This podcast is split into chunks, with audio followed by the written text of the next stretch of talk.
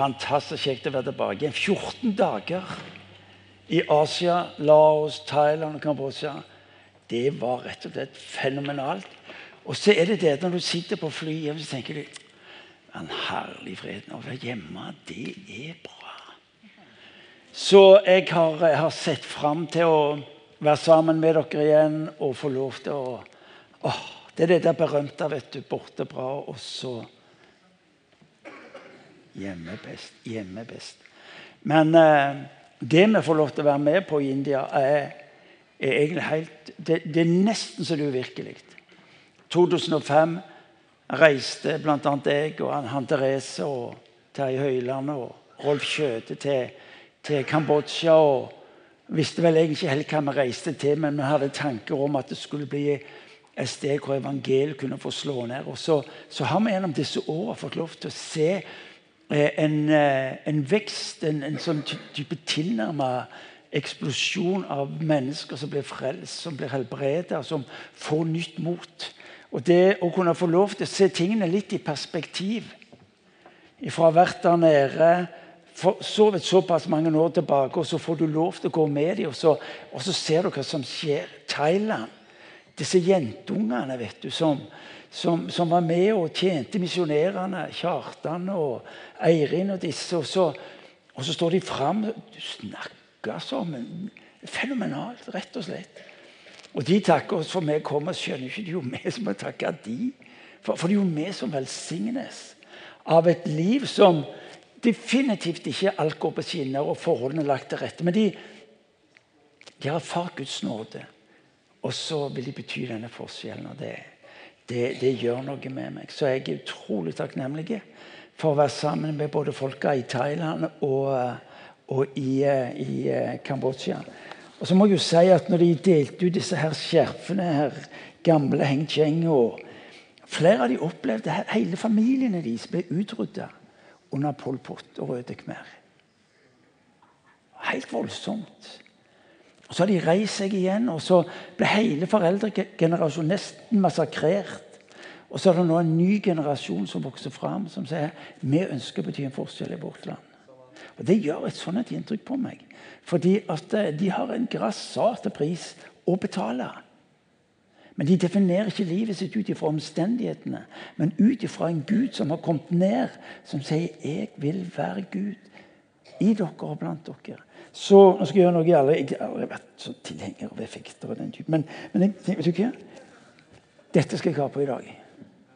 Som uttrykker at jeg vil være en del av den bevegelsen som disse folka der ute representerer. Våre brødre og søstre. Og så skal jeg få lov til å ha en drøm at vi også fra vårt land kan få lov til å være et folk som, som makter det der å se forbi alt som vi går rundt og definerer, skiller oss, istedenfor å få øye på hva det er som egentlig samler oss slik at denne verden kan tro at Gud er god, og at de vil våge han. Så eh, God morgen. og Kjekt å se dere igjen, alt det der. Men eh, dere får tak i hva jeg eh, forsøker å si. Vi er midt i en spennende fase. Elling starta sist gang med å lufte fram noen av heltene i i Gamle testamentet. Og du kan godt tenke men hør nå, kom an, Er dere så gammelmodige og så bakpå at dere driver på og må lese i Bibelen om gamle eh, historier om gamle menn og damer osv.? Ja, hvorfor det? Jo, dette må du få tak i. Grunnen til at vi hele tatt leser i Bibelen, er fordi at vi tror Gud står bak det. Vi tror at når Gud har gitt deg og meg Bibelen, så er det fordi at han ønsker å ta oss inn i en verden hvor han har ett, ett ett eneste budskap. Det er at jeg er med deg. Denne Bibelen den er skrevet, den er formulert og formidlet på en sånn måte at du og meg, når livet blir krøkket, eller når det går veldig bra, skal kunne si at Gud er med meg. Derfor har du Bibelen. Har ikke Bibelen som sånn religiøs oppslagsbok til informasjon hva som skjedde før i tida.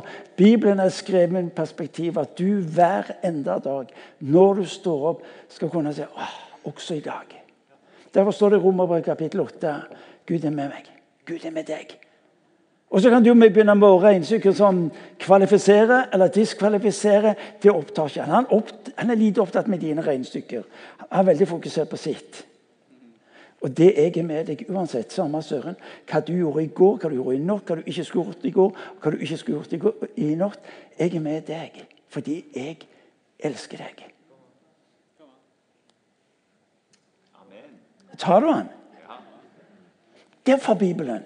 Ja, men Hvorfor i all verden driver på og mimrer over gamle helter? Jo, fordi at du og meg skal lære fra det livet de levde både langs den horisontale linja i samfunnet, hvordan de funka, men også den horisontale, nemlig hvordan var livet de sammen med Gud inn i den verden. Og så skal vi få lov til å lære av det.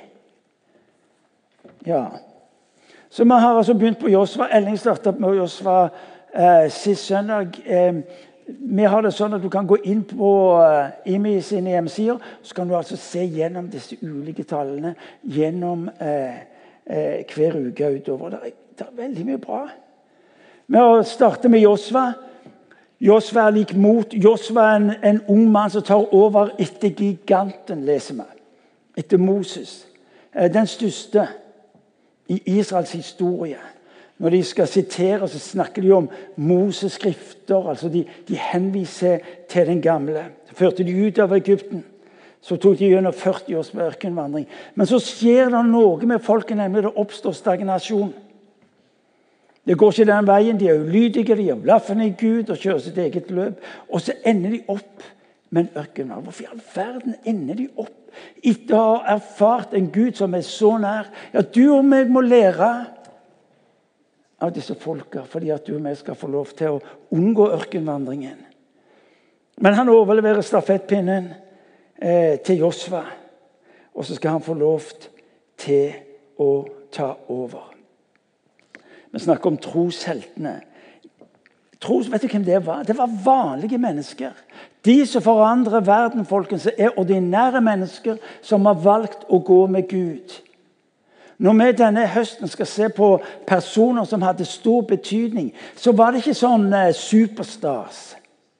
Det var vanlige mennesker. Du leser historien. Og det som blir viktig for oss, er at du får tak i historien bak historien. At du får tak i at hva var det som gjorde at de fikk denne betydningen. Av en mann som fikk besøk av en turist, og så sier denne turisten du er det født noen store menn i denne bygda. Og så sier bonden nei, til det han visste, så var de alle født små.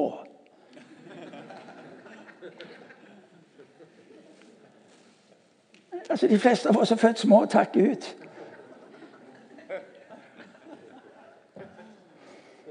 Ordinære mennesker som ble med på det som Gud gjorde. Du og meg har en tendens til å gjøre dem mye større enn det de er. De var ikke superstars. De ble ikke født med alle forutsetninger på plass for at dette skulle gå bra. Når du leser i Bibelen, så oppdager du at du er en gjeng av Ah, mye, mye, mye mye På engelsk sa crap. Men altså noe i den duren. Ja, jeg er det liksom, men av og til så blir det sånn.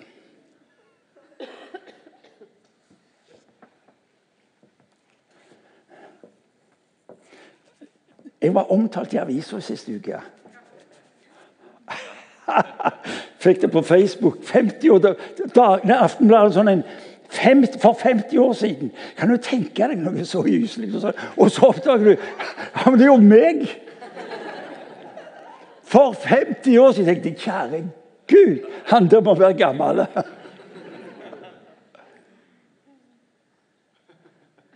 Det er riktig. Jeg. Det er deg som ikke vet at jeg, jeg eh, drev med idrett den gangen, og det gjør jeg ennå. Nå lo kona. Jeg skulle si jeg driver idrett ennå, men ikke på det nivået. Det var det jeg skulle si.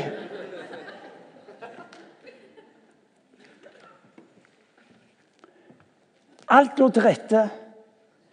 Om jeg ikke hadde en Gjert Ingebretsen som trener, så hadde jeg en som var gysla god. Og han, han lovte meg ganske mye av gull og grønne skoger hvis jeg bare gjorde de rette tingene. Men så møter jeg da denne Jesus som 17-åring. Hører om han, og så blir spørsmålet mitt ja, men kan jeg stole på det der.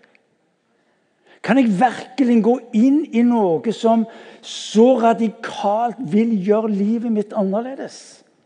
Jeg visste ikke hva kristendom var når jeg begynte på denne folkehøyskolen. Jeg hadde hørt litt om han på skolen. utover det så visste Jeg ingenting. Jeg kom fra en familie som aldri gikk i kirka. Verken jul eller påske eller sommerferie. eller tidlig. Altså, Jeg hadde ikke peiling på det. Hadde ikke peiling. Men så ble dette spørsmålet for meg kunne Jesus lyge. Det ble sånn grunnleggende i livet mitt. Kunne Jesus lyge? Nei, Hvis han ikke kunne lyge, hvis det var slik at alle religionsstiftere og alle med noenlunde posisjon i den historiske og filosofiske verden sa at Jesus var unik, så var det ikke slik at han, snakket delvis sant. Og så tok jeg konsekvensen av det. Sa Jesus, jeg tror på deg. Jeg tror du er sannhet. Jeg har ikke mye følelser, eller eh, Jeg har følelser, det er ikke det. Men, men jeg Bare spør kona mi. Um, men å basere valgene mine på følelser Hvis han var sannhet, så var han sannhet, så var det greit, det. Jeg har aldri, har aldri tvilt på Gud. Jeg har tvilt mye på meg sjøl. Ja, det har jeg gjort. Mye har jeg tvilt på meg sjøl. Men, men, ikke på hans, sannhet. Og da blir det den der greia ok, altså Enten så får jeg forholde meg til hans sannhet og det han sier, eller så kan jeg droppe hele greia. Så jeg droppet idretten. Lovende karriere, han, sa alle treneren min. Ja, det var gøy å holde på litt, det, da. Men, men eh, jeg slutta ikke fordi det var galt med idrett. Jeg hadde ikke plass til det lenger. Jeg måtte gjøre noe annet. Jeg, første gang jeg, jeg blir oppmerksom på Josfa Det er mange år siden. og husker du et dypt inntrykk på meg. Det er når du leser, for Vi skal, vi skal bla litt. Jeg vil du skal få tak i litt av historien bak Josfa. Bak denne herren, når han har blitt superstar, når han har blitt nasjonal leder. Hva, hva, var det med han? Og Du leser om det i 2. Mosebok kapittel 33. Eh, 2. Mosebok kapittel 33. Dette husker du ikke likevel hvis du ikke skriver ned. og Enten ser det igjen i repetisjon på eh, min TV. Det var Kanskje det var en profeti. Der leser vi om at de hadde satt opp teltet. Der hadde de gudstjenester. Der hadde Gud innenfor datiden gitt dem et møtested. Og Josva var der, både titt og ofte. Men så leser vi om Josva. Um, så leser vi om Josva, men tjeneren hans, en ung gutt som het Josva, sønn av Nun, forlot aldri teltet. Det var noe med denne ungdommen som gjorde at han aldri forlot teltet. Noen sier han hadde tjeneste, passa på teltet. Det står det ingenting om. Det står bare at han forlot aldri teltet. Og det har gjort inntrykk på meg. Fordi at ungdommen hadde fått tak i noe som var så viktig at han definerte livet sitt ut ifra det. Han definerte livet sitt ut ifra tempelet. Ut ifra teltet, mener jeg. Og så leser du senere konsekvensen av dette i livet hans. Han forsto at der var Gud til stede. Han forsto at det var et forhold mellom teltet og Javé navnet på Gud og de undergjerningene som folket hadde vært igjennom i sin vandring i ørkenen. Det var et forhold der som han valgte å forholde seg til. Når Gud leder sitt folk, så har altså Josfa fått tak i noe som for ham blir sannhet. Så kraftig og så tydelig at han er der, står der hver dag. Han forlot aldri teltet. Og Jeg husker når jeg leste denne beretningen for mange år siden, så tenkte jeg der vil jeg være. Jeg ønsker å være et sted hvor nettopp sannheten om Han blir så tydelig for meg at jeg våger velge å gå med Han inn i det Han tar meg inn i. For det var nemlig israelsfolkets historie. Å bli tatt inn i det som Gud gjorde. Jeg tenker på oss som er foreldre. Bibelen sier at du skal lære den unge den veien han skal gå, og han vil huske den når han blir gammel. Du og meg er i en unik posisjon som foreldre. Du og meg får altså lov til å hjelpe ungene inn i denne gudsrelasjonen som du leser om hos Josva. Wow! Tenk etter. Vi får altså hjelp til å hjelpe ungene Josva hver dag var han ved teltet. Du og meg får lov til å hjelpe ungene inn i denne relasjonen, hvor de skal få lov til å vokse inn i en sannhet, lære mer av hvem han er, slik at de er i stand til å skal få lov til å møte morgendagen med det de møtte hos han. For et perspektiv! Hver dag. Jo da, det er viktig med hytta, det er viktig med ferie, det er viktig med å trimme. Jeg vet ikke hva alt det vi skal holde på med. Og En som sa det at vi, ungene har vært mer med på aktivitet enn vi i kirka. Det er i for seg litt sånn. Ja vel. Hm. Ja, Kanskje vi begynner å regne hjemme på timer. Poenget er du og meg er gitt den unike muligheten til å få lov til å ta ungene inn i denne Guds relasjonen. Det er ingenting som hindrer oss, ingenting som nekter oss. Hvorfor i all verden starta med KF-skolen? Jo, fordi vi hadde en drøm om å gi ungene våre det beste. Og så får vi lov til å se skolen har lærer. Svein Bjarte sitter her nede. Du må vise la se hånda di, Svein Bjarte. Hvis du, har, deg. Hvis, hvis dere har spørsmål til Svein Bjarte når det gjelder KF-skolen Den fyren brenner for én ting, og det er at ungene våre må få det beste. Vet du hva? Fenomenalt. Eh, lærerne de har én brann det at ungene skal få det beste. Ja, Det blir litt mer, mer, kjøring. Ja, Men herlig fred, hva er vel det for noe? Om du må kjøre litt lenger eller kjøre litt mer, eller det er litt mer å få det til. Når du vet du får lov til å gi ungene det optimale Josva. Vet du hva?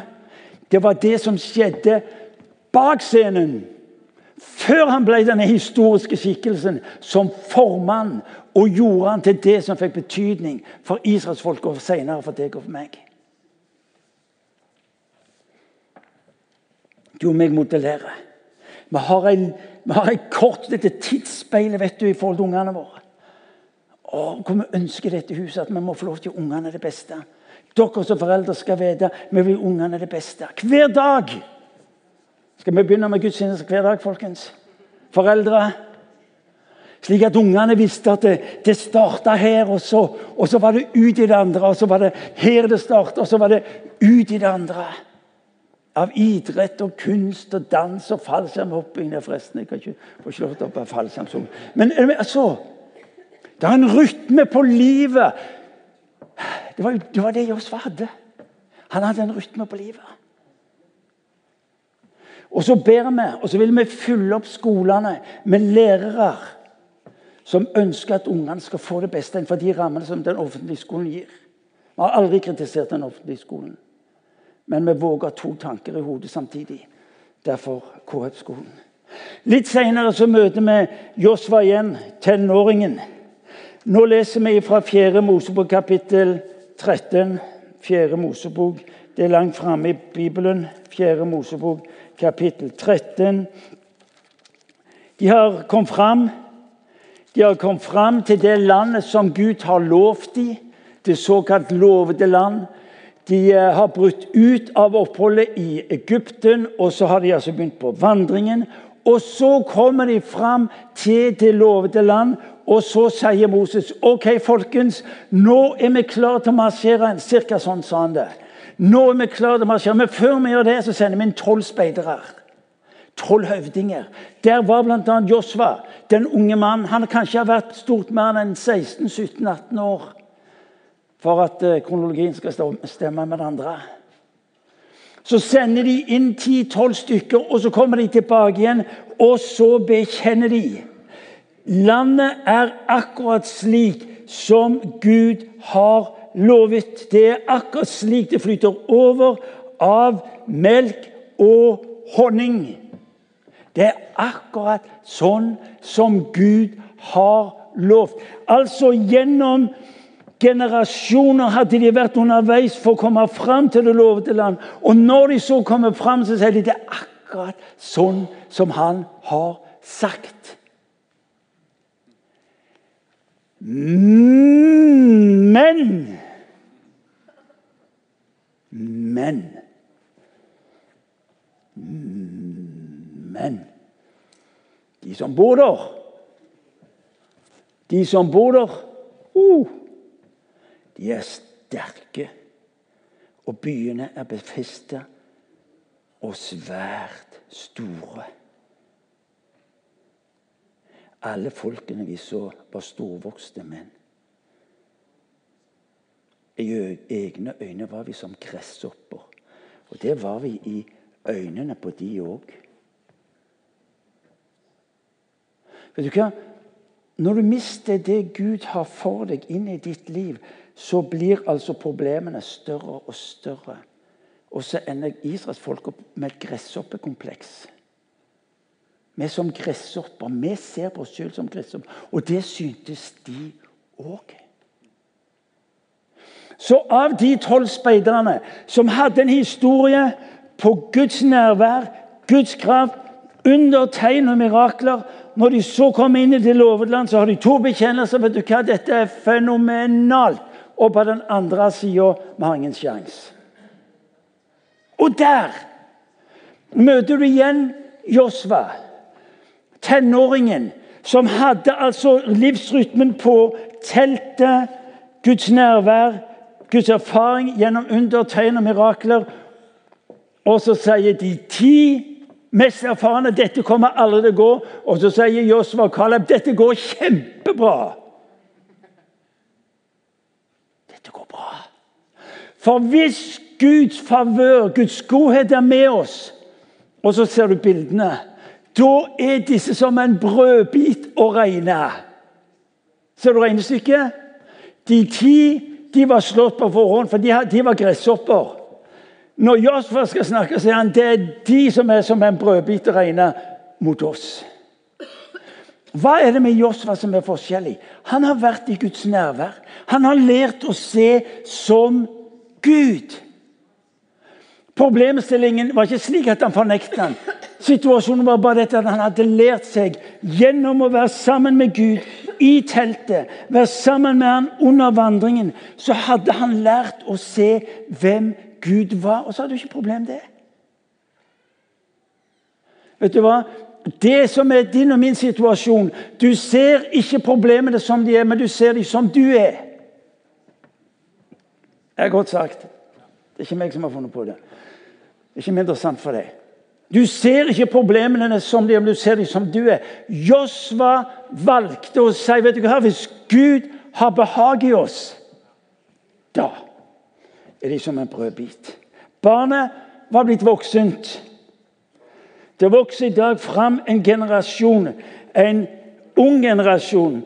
Jeg har aldri likt begrepet den ungdomsgenerasjonen. Det er kun én generasjon i dag, og det er den tida vi lever i.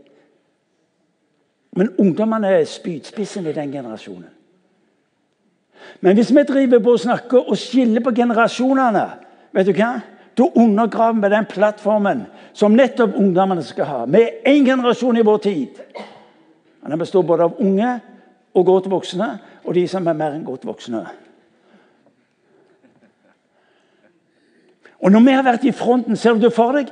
Når vi har vært i fronten, meg og Finn og Inger-Elisabeth og, og, og, disse her, så er det noen som kommer opp på sida av oss. Og så passerer de oss, og så er de foran oss. Ja, Da trekker vi oss tilbake. Ja, vi, må, vi må gi plassen til den unge generasjonen, så de kan få lov til å ta over. Og langt ifra! Når de passerer oss, og du ser etter, så tenker du Wow, dette blir bra. Dette blir bra! Og så får du, får du sjanse til å få opp tempoet. Det er jo det som skjer. Det går bra. Er du med? Og så ser ungdommene ja, de, de gir jo ikke opp. De trekker seg jo ikke tilbake.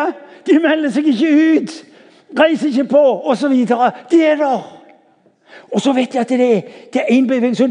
Etter hvert så kommer de litt, litt, lenger foran meg og Irene og Finn og alle de andre som, som er litt eldre enn de eldre. Og så, og så, og så er det samme generasjon. Ja. Det var ungdommen som sa det var bra. Dere andre er ikke riktig sikre på hva jeg sier.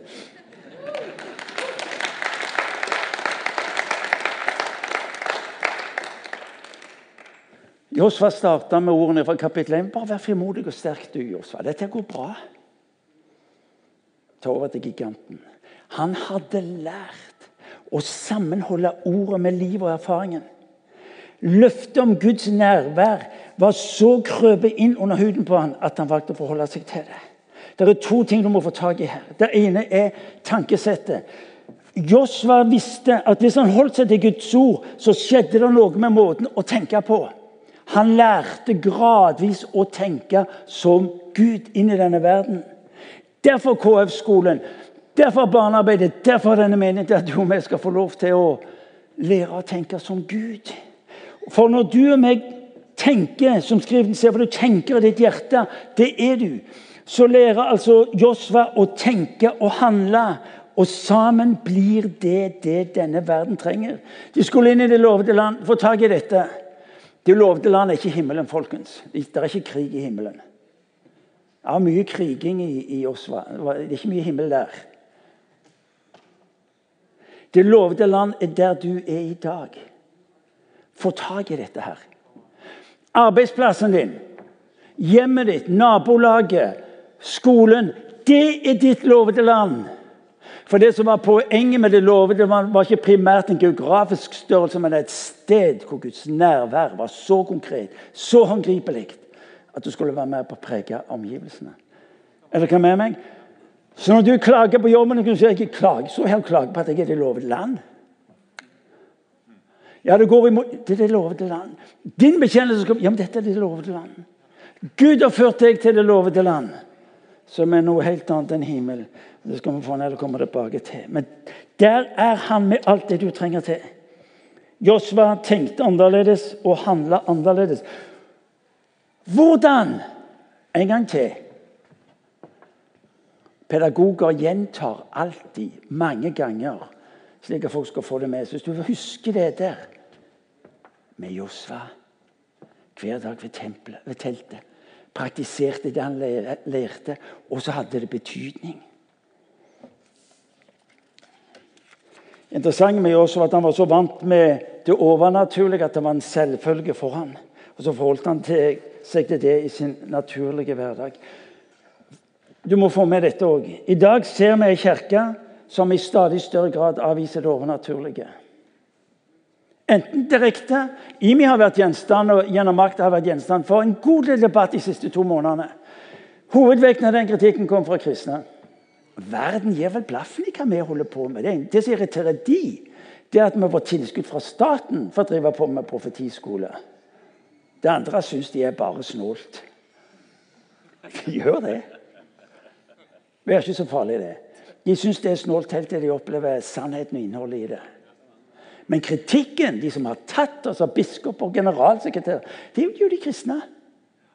Det skjer i dag et skifte som er av en sånn karakter at enten så går de imot det, eller så anonymiserer de det. Der blir taushet. Og det er noe som skjer ved måten vi tenker på. Jeg leste nettopp en artikkel i, i, Dagen og i siste uke. og Da var det en, en, en eh, meget dyktig forkynner. Ikke mot denne dyktige forkynneren, en utlending. Fantastisk forkynner. Men det som er greia i dag, det er at tilliten går til de som forkynnere. Men det er jo noe som mangler der. Vitnesbyrd i denne boka er den glimrende forkynnelsen, ordet, men også gjerning i det konkrete, i det overnaturlige. Ja, det, det, der med det det er litt sånn halvsuspekt. Kan vi stole på det, osv. Og så, og så ja, de kan vi stole på. Det var ikke problem for Josva. det. Josva forholdt seg til sin historie, og så visste han hva han skulle få lov til å regne med. Paulus sier skal dere få med det òg, bare så vi sikre oss at vi holder oss til Guds ord, i hvert fall mesteparten. Paulus sier i første brev til Korinterne, kapittel 2, så sier han eh, Så sier han i kapittel 2, vers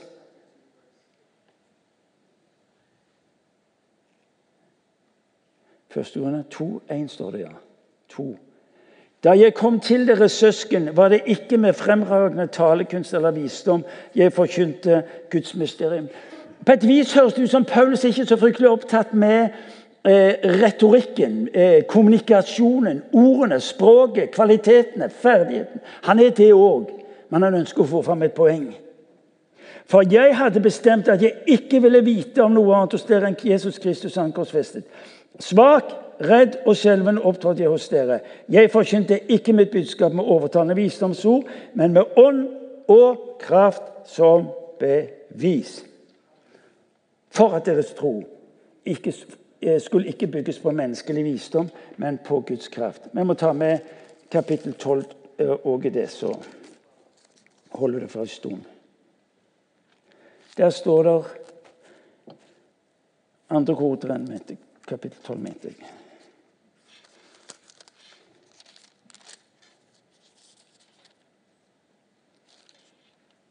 Med stor tålmodighet har jeg gjort en apostels tegn blant dere. Tegn under og mektige gjerninger. Josva sammenholdt ordet som han fikk når han startet opp, som du hørte sist søndag. Ta vare på ordet, loven. Så sammenholder han ordet, loven, med undergjerningen som Gud lar folk erfare og til leve i. Og så sa jeg innledningsvis Gud har gitt oss en bibel ikke for at du skal se tilbake og si det var en fenomenal tid i det hadde. Tvert imot, du skal få lov til å si Å, Gud, du sier du er den samme i går, i dag, ja, til evig tid. Kom an, la oss komme i gang og se hvordan dette kan se ut. Så skal jeg begynne å slutte. To beretninger. Den første i Josva bok, kapittel 4. Det er beretningen når israelsfolket skal gå over Jordanelva, kapittel 4. I eh, Jordans leser vi eh, Gud sier til Abraham, gjør dere rene og, til, gjør dere rene og hellige, for i morgen vil Herren gjøre under blant dere. Løft opp pakkisten og gå over elven foran dere. Folket skulle altså gå over elva. Dette er lederskap. Jeg tror jeg hadde hatt en del problemer med det der. Halvannen million mennesker. Elva gikk over alle sine bredder. Og så sier Josfa til folket OK, er dere klar? Nå skal vi begynne å gå. Og israelsfolket sier hvor skal vi gå hen? Elva foran dem, vi skal bare gå rett over der.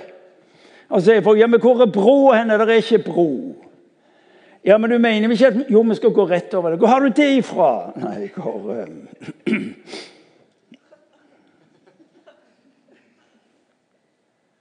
Vi sitter her og tror ja, men dette bare...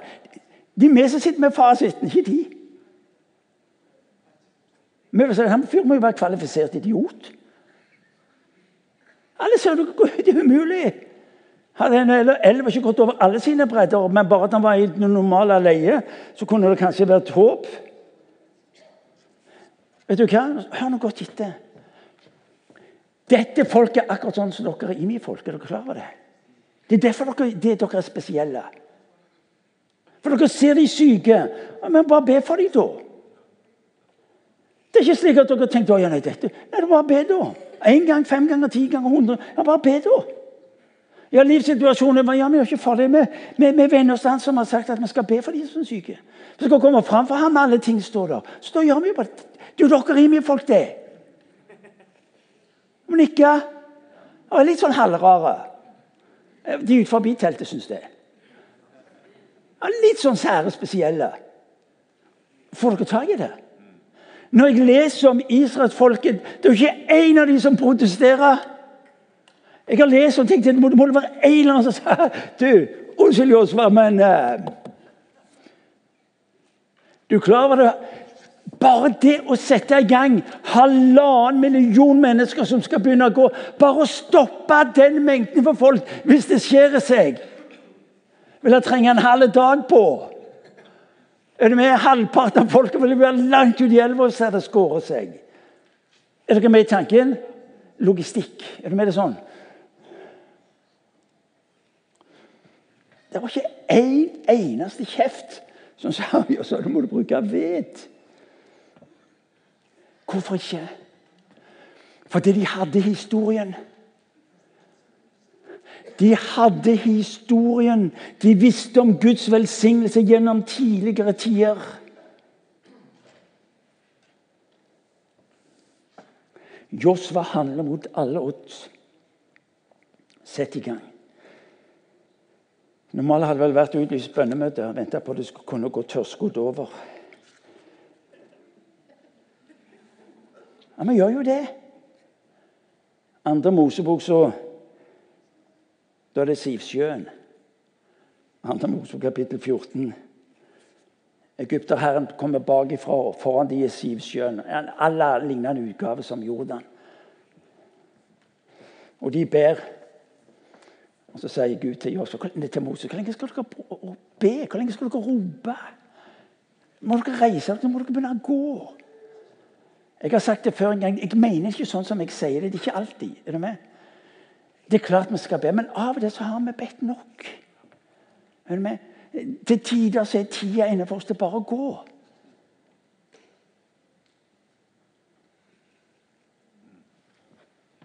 Tenk på det i hvert fall.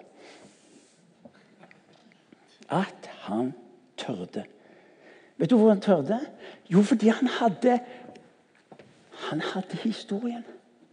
Når Gud sier til ham nå skal du gå over Jordanelva med halvannen million mennesker Og han tenker med en gang, med en gang så er det logistikk og problemer og motstand og hele greia. Og så begynner han å bla. Han hadde ikke noe blad i, men han begynte å huske på Gud som holdt sin hånd over Abraham, om Gud som holdt sin hånd over Isak, om Gud som holdt sin hånd over Jakob, som tok vare på dem i, i, i Egypten, og så utgangen av Egypt. Og så, og så begynte han å minnes de gamle seirene, og så tenker han var jo Gud. Det var jo Gud. Hør nå, Du må ikke glemme de gamle seirene. Og om du ikke har de sjøl, så stjel fra andre. Ta ifra evangeliet, og så begynner du å mate deg med evangeliet. Og så våger du å handle på det Gud tar inn i livet ditt. Ja. At han tørde? Jo, han tørde fordi at han som guttunge starta ved teltet. Og så lærte han å være tro i smått, og ved å være tro i smått så lærte han til å forberede seg for kampene, de store kampene som lå foran han. Ja. Så syns jeg det er så nydelig. Det står at eh, de, de skulle ta opp steiner. Eh, de skulle ta opp steiner fra Jordanelva så opp en stein, står det kapel 4. Vær og legg den på skuldrene, like mange steiner som dere stammer. Dette skal være et tegn mellom dere. Når barna deres i morgen spør hva betyr disse steinene, skal dere svare. Vannet i Jordan ble borte foran Herrens paktkiste. Den er kommet ut i elven, ble vannet i Jordan borte. Minnesteiner husker dere Leif Heitland snakker om. Kapittel 4, vers 7. Hvorfor minnesteiner? Jo, fordi de hjelper oss til å huske. Her kommer en utfordring. Når du opplever Gud gjør noe i ditt liv som har vært uvanlige slaget, så hent en minnestein. Enten det er en stein, eller det er en tegning eller det er et maleri, så plasser det der du har den fineste og mest verdifulle gjenstanden i stua. Og så plasserer du den der, hvis du har lagd den sjøl, vil de som kommer på besøk, begynne å si hva du har for noe der. Det var ikke særlig vakkert. Og så kan du si det er et minne om hvordan Gud grep inn og hjalp oss når vi hadde vanskelige tider. Det må jo være en drøm av sånne minnestener overalt i huset. Hvor ungene spør meg, 'Mamma, pappa, hvorfor har vi det der?' Det er jo ikke fint i det hele tatt. Jeg kan gjøre bedre sjøl. Og så kan du si det. Det minner om Gud. Når vi hadde vanskelige tider. Om vi ikke visste hva vi skulle gjøre, om vi ikke så noen utgang eller løsning, så var det Gud. Folkens, kan, ta, Den kan dere ta, i hvert fall. Hvis dere nikker, så skjønner jeg at da er dere med. Hvis dere sitter der som støtter, så, så skjønner jeg jo det òg da. Minnestein. Minnesteiner overalt i huset. Minnesteiner som sier oss om at Gud grep inn. Ja, men jeg har svikta og feila så mange ganger. Ja, men det gjør noe ikke farlig i det, da. Det minst viktige i ditt liv er nederlagene. Det viktigste er at du vågte å reise deg igjen. Og så ta minnestein og si Gud, du droppet meg ikke når jeg droppet deg. Halleluja. Jane. Halleluja. Går du, Jane? Og er nærme ungene. Halleluja. Venter på halleluja. Siste beretningen i kapittel 6. Vi leser om at nå skal de innta byen. Vi leser om at de skal innta eh, Jeriko. Og Josva forbereder seg. Vi ser at han er i bønn. En gang Josva var ved Jeriko, ser han opp foran øyet på en mann står foran seg. Josva forbereder eh, kampen om å innta denne byen Jeriko, et av de mest eh, eh, markerte festningsverk i den regionen den tida. Og så sier Gud til ham Josfa, du skal ta byen. En nesten umulig oppgave. Og Mens han står der og funderer og er usikker, så får han plutselig besøk av noe som minner om en høvding eller en kriger. Og så spør Josfa er du med oss eller er du for oss. Og så svarer han og legger merke til svaret. Så sa han jeg sa han, ikke med noen av dere. Jeg kommer som høvding over kongens hær. Jeg er her. Det er ikke du, jeg som er med på det du holder på med, det er du som er med på det som jeg holder på med. Og der i ensomheten gi strategi. Det er interessant at vi har ikke noen overlevering av strategi, men vi får øye på den når eh, Josva skal bevege seg mot sitt folk. Der mottar han strategien. Vet du hva? Det er mange forslag på hva kirka skal være i vår tid. Det er mange forslag på hva vi skal gjøre som kirke. Men jeg holder nesten på å si la oss lære av Josva. Til å si Gud, hva er det du gir? Hva er det du gjør? Hva er det du holder på med? Og så kan du sjøl tenke deg Du snakker om idiotisk, så kommer altså Se det for deg.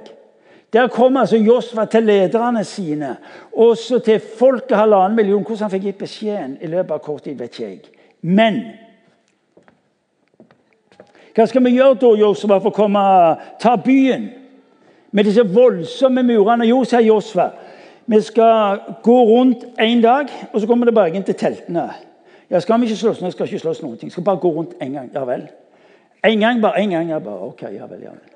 Det var mandag. Ja, tirsdag, da. Nei, da skal vi òg gå rundt muren en gang. Ja, skal vi slåss da? Nei, skal ikke noe. Skal bare gå rundt muren. Ja vel, ok. Det er greit. Ja, og så onsdag, hva skal vi da gjøre? Skal, vi gå skal vi gå rundt denne muren én gang hver dag i all evighet? Nei, nei, nei. nei. Når du kommer den syvende dagen, skal du gå syv ganger rundt. Ja, Men skal vi ikke slåss? Nei, vi skal ikke slåss. Vi skal bare gå rundt muren. Hvis du hadde vært leder av format og litt av sånn type karakterstyrke, så hadde du stått opp og sagt dette. Time out. Hva er du holder på med? Vårt poeng er jo å ta den byen, ikke gå tur.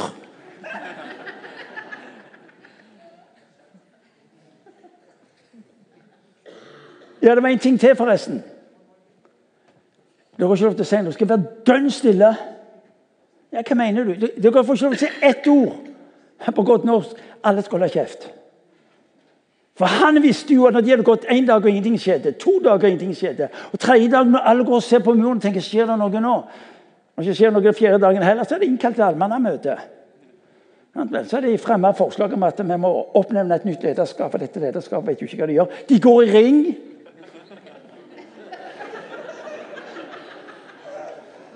Det var det vi hadde sagt. De går i ring. De vet jo ikke hvor de vil hen. Ja, Hva skal vi gått når vi har gått syv dager rundt muren siste Hva skal vi da gjøre? Da skal vi brøle! Hva sa du? Brøle. Ja, hva vil det si? Du skal bare brøle. Hør nå, vi holder på med den allmektige Gud. Kan vi ikke få litt mer så sofistikert enn at vi siste dagen skal vi gjør jo ikke det i vår lutherske kontekst. Og hva var det de skulle gjøre. Hadde du gått? Hør nå. Det er mye Guds rike som aldri kommer i gang. For det de fikk øye på, det var rundene rundt Jeriko. Rundt problemet, rundt osv. Det så for dumt ut, det så for utfordrende ut. så for... Og så gjør han det ikke. Og så mister vi det.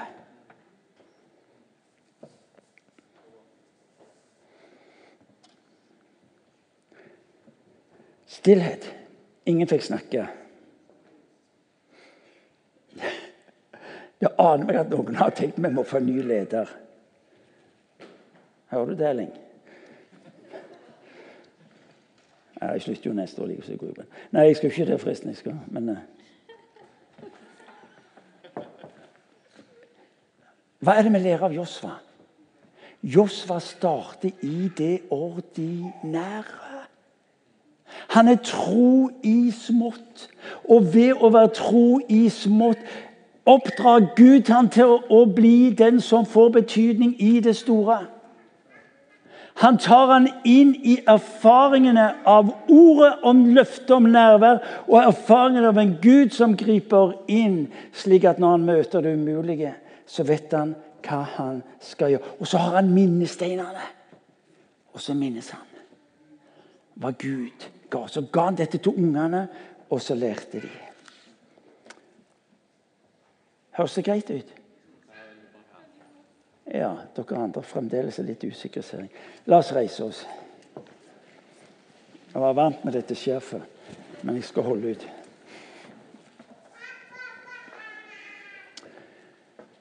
Hvorfor, hvorfor Jeriko? Jeriko var et sted som kontrollerte trafikken, handelsvei. Kontrollerte regionen. Jeg tror Dette var min opplevelse når jeg forberedte dette her i, i dag tidlig. Jeg tror at mange av oss sitter med sånn større eller mindre festningsverk som blokkerer, som stopper som skremmer oss, og som oppleves som truende. Beretningen vi leser om uh, Josva, en beretning som skal fortelle vet Du hva? Du skal slippe å se på det som er vanskelig i livet ditt, med frykt. Fordi Gud har sagt at 'jeg vil være deg nær'. Vær frimodig og sterk, sa han til Josva. Han sier det til deg òg. Når du ser det enten det er i Jordan eller du sier her kommer jeg ikke over, her er det håpløst, jeg vet ikke hva jeg skal gjøre, dette går helt på trynet, dette skjærer seg, eller du opplever noe som er i livet ditt, som låser deg, og som blokkerer deg, så er beretningen vi leser fra Josva en beretning som sier Gud gir deg ikke primært styrke til å skulle se og måtte leve med disse tingene. Han ønsker å se deg satt fri til å kunne bety den forskjellen. På det planet, i den settingen hvor Gud har satt deg. Amen. Amen. Og Det er det jeg vil at vi skal be om. Du skal få lov til å rope det ut. Du skal få lov til å lære det med, med, med israelsfolket som du leser om i beretningen. Rop er bønn. Ropet er bønn. Ropet er skriket, og ropet er bønn. Det var det det var for, eh, for, for Josva. Og Av og til er det slik med mitt eget liv at jeg går der for meg sjøl og så bare roper Gud. Og så blir ropet 'flytt deg'. La det skje det du hadde, Herre. La det skje det du hadde i tanke for meg, Herre. Og så skjer det i Josva, som vi leser, at disse murene de faller sammen når det var bearbeida i denne bønnevandringen som de hadde, der de gikk rundt og syntes det hele var meningsløst. Du som er i bønn for familie, du som er i bønn for kolleger, du som er i bønn for ulike situasjoner. Guds ord til deg er lær av Josfa. Én gang, fem ganger, syv ganger, hundre ganger. Det er ikke poenget. Poenget er det at når du og meg er tro med det Gud viser oss, så skal vi også få lov til å se at han griper inn. Det var da ikke ropet fra israelsfolket som fikk disse tjukke murene til å falle sammen. Men der hvor din og min bønn er kobla til Han, som ikke bare er en bønnehørende Gud, men også en bønnesvarende Gud, så får vi se hva som skjer. Så la oss be. Herre Jesus Kristus, jeg takker deg fordi du tar oss inn i ditt ord for å vise oss at du er den samme i dag som du var på Josva sin tid. For at du kjenner våre liv. Du vet hvem vi er. Og Nå ber vi for om å få lov til å være et folk som bokstavelig talt reiser, reiser, seg opp her på nytt. Våge å krysse det som er Jordan i våre liv. Våge å utfordre det som er festningen i våre liv, Herre. Slik at vi kan få lov, Herre Jesus, til å leve det livet i den frihet du har satt oss til. For vi ønsker ikke å definere oss av omstendighetene. Herre, Vi ønsker ikke å være styrt av kritikk. Men Herre, vi ber om én ting det å få lov til å være tro mot det du viser oss, enten det gjelder det personlige livet, eller det gjelder våre liv som menighet inn i denne verden. For vi har, vi har, vi har ett ønske. Det å se at byen vår, landet vårt, eh, erfarer din nåde og din godhet på en slik en måte at de våger å tro at du er god. At de våger å tro og gå med deg. For det er vår bønn.